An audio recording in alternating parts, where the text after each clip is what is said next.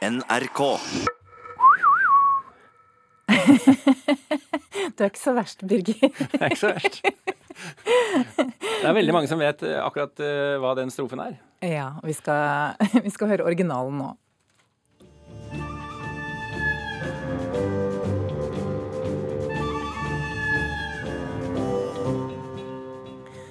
Dette er altså musikk fra filmen 'Den gode, den onde og den grusomme' eller 'The good, the bad and the ugly' fra 1966. Spagettivestern av beste merke, må vi vel kunne si, med Clint Eastwood i en sentral eh, rolle. Og musikken den er av den italienske komponisten Ennio Morricone, som har laget musikk til flere titalls av verdens mest kjente filmer. I dag blir det kjent at konserten kommer til Norge, og Telenor Arena det skjer 28.1 neste år. For i sitt 90. år så er altså Marikone fortsatt på turné, med programmet som feirer hans 60 år i musikken. Hittil er altså denne konserten sett av over en halv million mennesker rundt omkring i verden.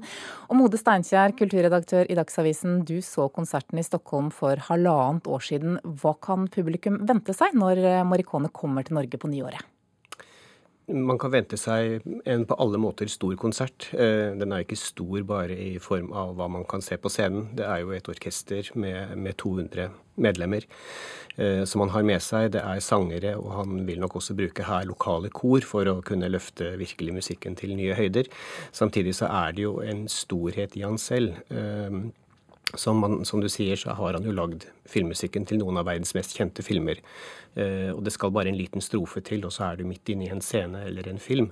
Og det er klart at å oppleve det der i full mundur, det er ganske stort. Mm. Men Hva er det som har gjort Morricone til en så viktig filmkomponist? En enorm produksjon, og så tror jeg han kom på riktig tid. Uh, han skrev også musikk som, som appellerte til, uh, til, følelser i folk, mer enn å skulle drive filmene i seg selv. Han, han var, greide å skrive innenfra filmene, var ofte med på settet, spesielt da på Sergio Leones uh, Westerns og Once Upon a Time in America osv. Uh, filmer som vi kjenner godt, og som vi ikke minst kjenner pga. musikken. jeg tror han greide da å fange Eh, essensen i, eh, i, både scener, personligheter og eh, hva filmen skulle være. Og det er det man også hører i musikken. Mm. Det er ganske mange som har hørt den første strofen her som, som vi startet med her. Hvilke av filmene, bortsett fra denne, da, husker du best? Nei, Jeg husker jo selvsagt eh, alle disse eh, spagetti-westerns. Eh, altså en, For en neve dollar osv. 'Once Upon a Time in the West', som også var en, en stor westernfilm. Samtidig så har han jo lagd 'The Mission', hvor Gabriel Sobo ble helt sentral. Han greide å gjøre panfløyten moderne igjen. Bare det var jo en bragd i seg selv. Og så har han lagd, ikke minst da Quentin Tarantinos Eh, filmen, eh, filmmusikken til hans filmer, de, de nyeste filmene, og også vunnet Oscar for det. Så har han også skrevet eh, mye musikk som ikke har vært til filmer. Er det litt urettferdig på en måte at de fleste husker ham først og fremst for innsatsen hans som filmkomponist? Det tror jeg kanskje at han syns selv, men samtidig så reiser han nå rundt da i sitt 90. år med kanskje et av de verdens største konsertproduksjoner man kan se. Eh, så jeg tror nok at han har ikke så stor grunn til å være lei seg, og jeg tror nok at det er filmmusikken som kommer til å stå seg best eh, når man skal summere han opp en dag. Skal avslutte litt med tonen av filmen til Cinema Paradiso. Hvordan klarer han å lage melodier som fester seg som f.eks. denne her? Det har noe med nostalgien å gjøre. altså Hvis man hører på eh, musikken til denne filmen, som for øvrig skal gå på norske kinoer igjen i år, som et paradoks her, eh, så er det jo nettopp det at han greier å, greier å leve seg da inn i eh, de følelsene som man får når man ser filmen. Takk skal du ha, Mote Steinkjer. Og neste konsert er faktisk på fredag, utendørs i Roma, for deg som ikke vil vente til januar i Bærum.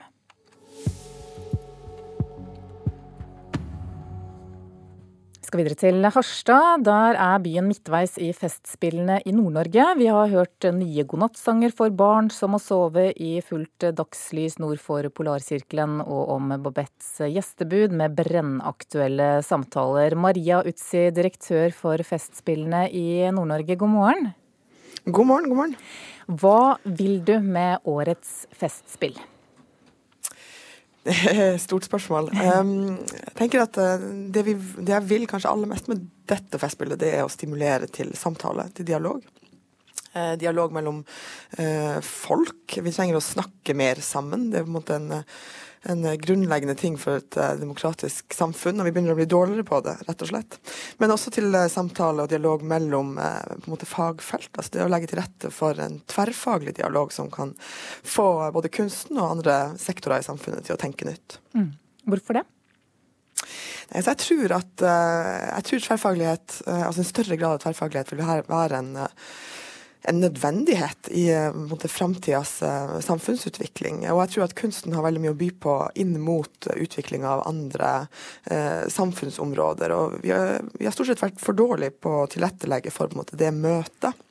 så det har vært veldig, veldig viktig for oss i disse, i disse festspillene. Og årets festspillprofil det er samiske Joar Nango. Hvem er han? Ja, Johan Ango er jo eh, si, en av eh, eh altså det samiske samfunnets aller mest kjente kunstnere. Han er jo egentlig arkitekt. Eh, men har markert seg også med liksom store installasjonsprosjekter. Eh, både i Norge, men også internasjonalt. Han var på Dokumenta 14, han har stilt ut eh, over hele verden. Og det som er så spesielt med, med Joar, det er jo nettopp på en måte dette, denne tverrfaglige måte, inngangen hans, både til det han gjør kunstnerisk, og også til, til arkitektur på en måte per se. Så, så han, han, skaper noen sånne rom for genuin nytenkning, og har på en måte gjennom sine prosjekter brakt inn noen helt nye perspektiv perspektiver i, i samisk samfunnsutvikling, bl.a. Og det får vi se en del av i det prosjektet som er her hos oss nå. Ok, Så han er et eksempel på det du ønsker å oppnå? Ja, det vil jeg absolutt si. Og eh, jeg må si jeg var nede eh, her i Harstad nå i løpet av uka, så har han også bygd opp et helt sånn verksted, nærmest et sånn laboratorium for, for um, tenkning rundt samisk arkitektur. Og det høres jo på en måte nesten litt sånn grunnleggende ut, men det, det er veldig nyskapende. Altså, vi har knapt snakka om i det samiske samfunnet arkitektur som på en måte en faktor eh, i samfunnsutviklinga, men også på en måte som et sånn element for man skal si, selvrefleksjon i Sápmi, i det moderne samiske samfunnet. Så det, det, det på en måte rommet han har skapt skapt med litteratur omkring arkitektur. Han holder på å bygge et bygg, et mobilt bygg, som skal bli et sånn dialogrom for, for nettopp refleksjon omkring samisk arkitektur, som skal reise rundt i nord, og som skal ende opp på Samisk senter for samtidskunst i, i Karasjok. Og I går var det et stort seminar eh, inn, i, verkstedet hans, og det var, eh, det var bare så fantastisk eh, ny, nytenkende. Altså det, var, det, var, så utrolige refleksjoner som kom i det seminaret. altså Tanker eh, som ikke har blitt si, verbalisert før. Det føltes litt sånn historisk og, og fantastisk å, å, sitte og høre på det. Så det, ja, han er absolutt et godt eksempel på det vi prøver å få til. Tidligere i mai så hadde dere tidenes beste forhåndssalg av billetter. Hvordan går det med oppslutningen nå som dere er i gang?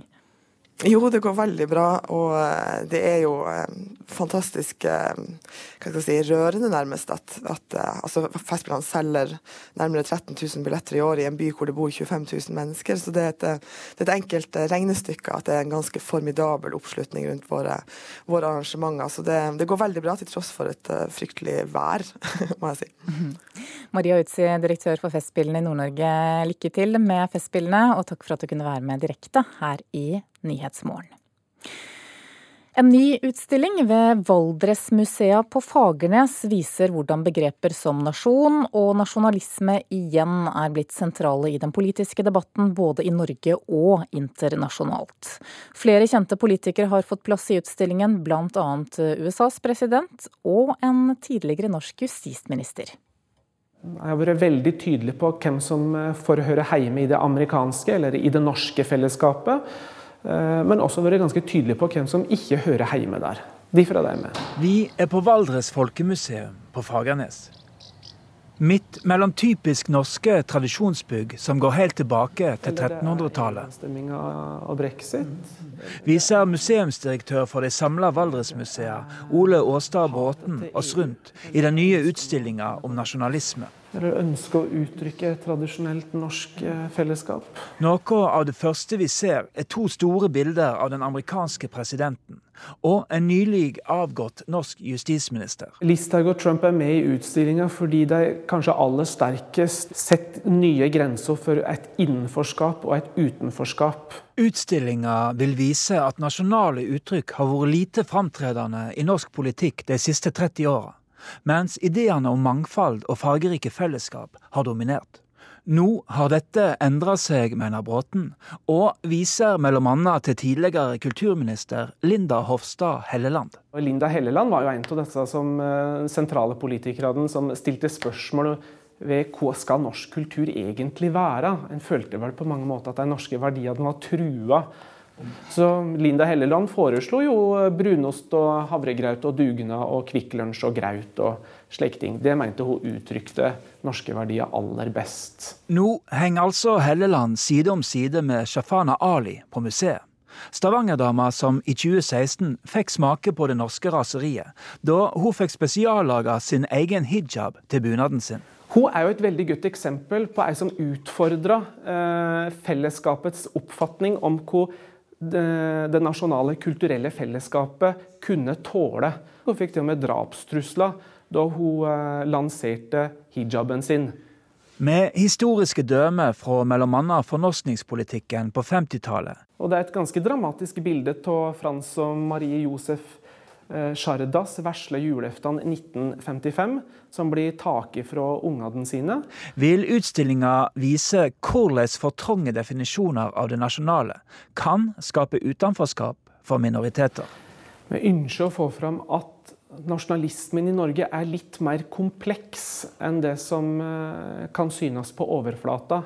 Så vi oppfordrer jo med denne utstillingen her til å til å, å saklig diskutere norsk kultur, norske verdier og eh, konsekvensene av å sette ned harde merkesteiner om hva som hører til innafor, og hva som eventuelt skal stå utafor.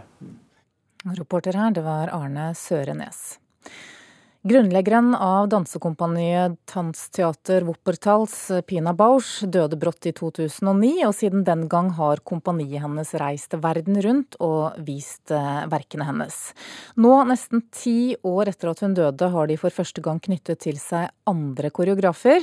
Norske Allan Lucien Øyen, som bl.a. er huskoreograf for Nasjonalballetten i Oslo, har laget et verk sammen med det tyske kompaniet. Resultatet hadde premiere i helgen, og her er en liten smak smakebit. I love you. Vi hører Nat King Cole synge I Love You for Sentimental Reasons, en av mange låter som blir brukt i den over tre timer lange forestillingen Neues Stuck Zwei. Karen Frøsland Nystøl, scenekunstkritiker her i NRK. Hvor stort er det å få koreografere for et kompani som dette her? Det vil jeg tro er ordentlig stas. Det er et anerkjent kompani, et ganske kjent kompani òg. Særlig etter at Wim Wenders lagde en film om Pina Bausch for noen år tilbake. Eh, og Allan Lucien Øyen, eh, altså Tansteater er jo en blanding av dans og teater. Og koreograf Øyen er en koreograf som bruker både dans, teater, kunst, litteratur i sine verk.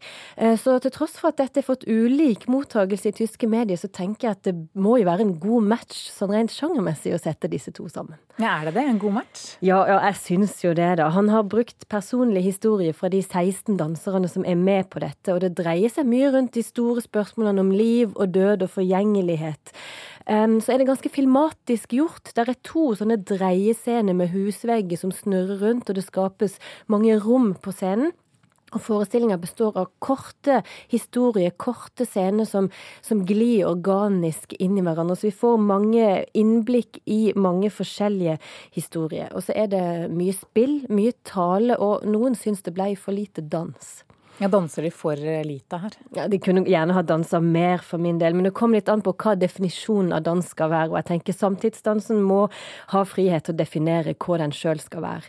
Men det er et veldig sterkt kompani, et veldig tydelig kompani og veldig uttrykksfullt kompani. Så etter første del så tenkte jeg jo her trenger vi mer dans. Og så kom andre del, der kollektivet ble samla, og der jeg så en organisk helhet i det de gjorde, som gjorde at det, det vokste så utrolig i andre del, og ble en veldig stor og flott fortelling, egentlig. Takk skal du ha, Karen Frøsland Nystad.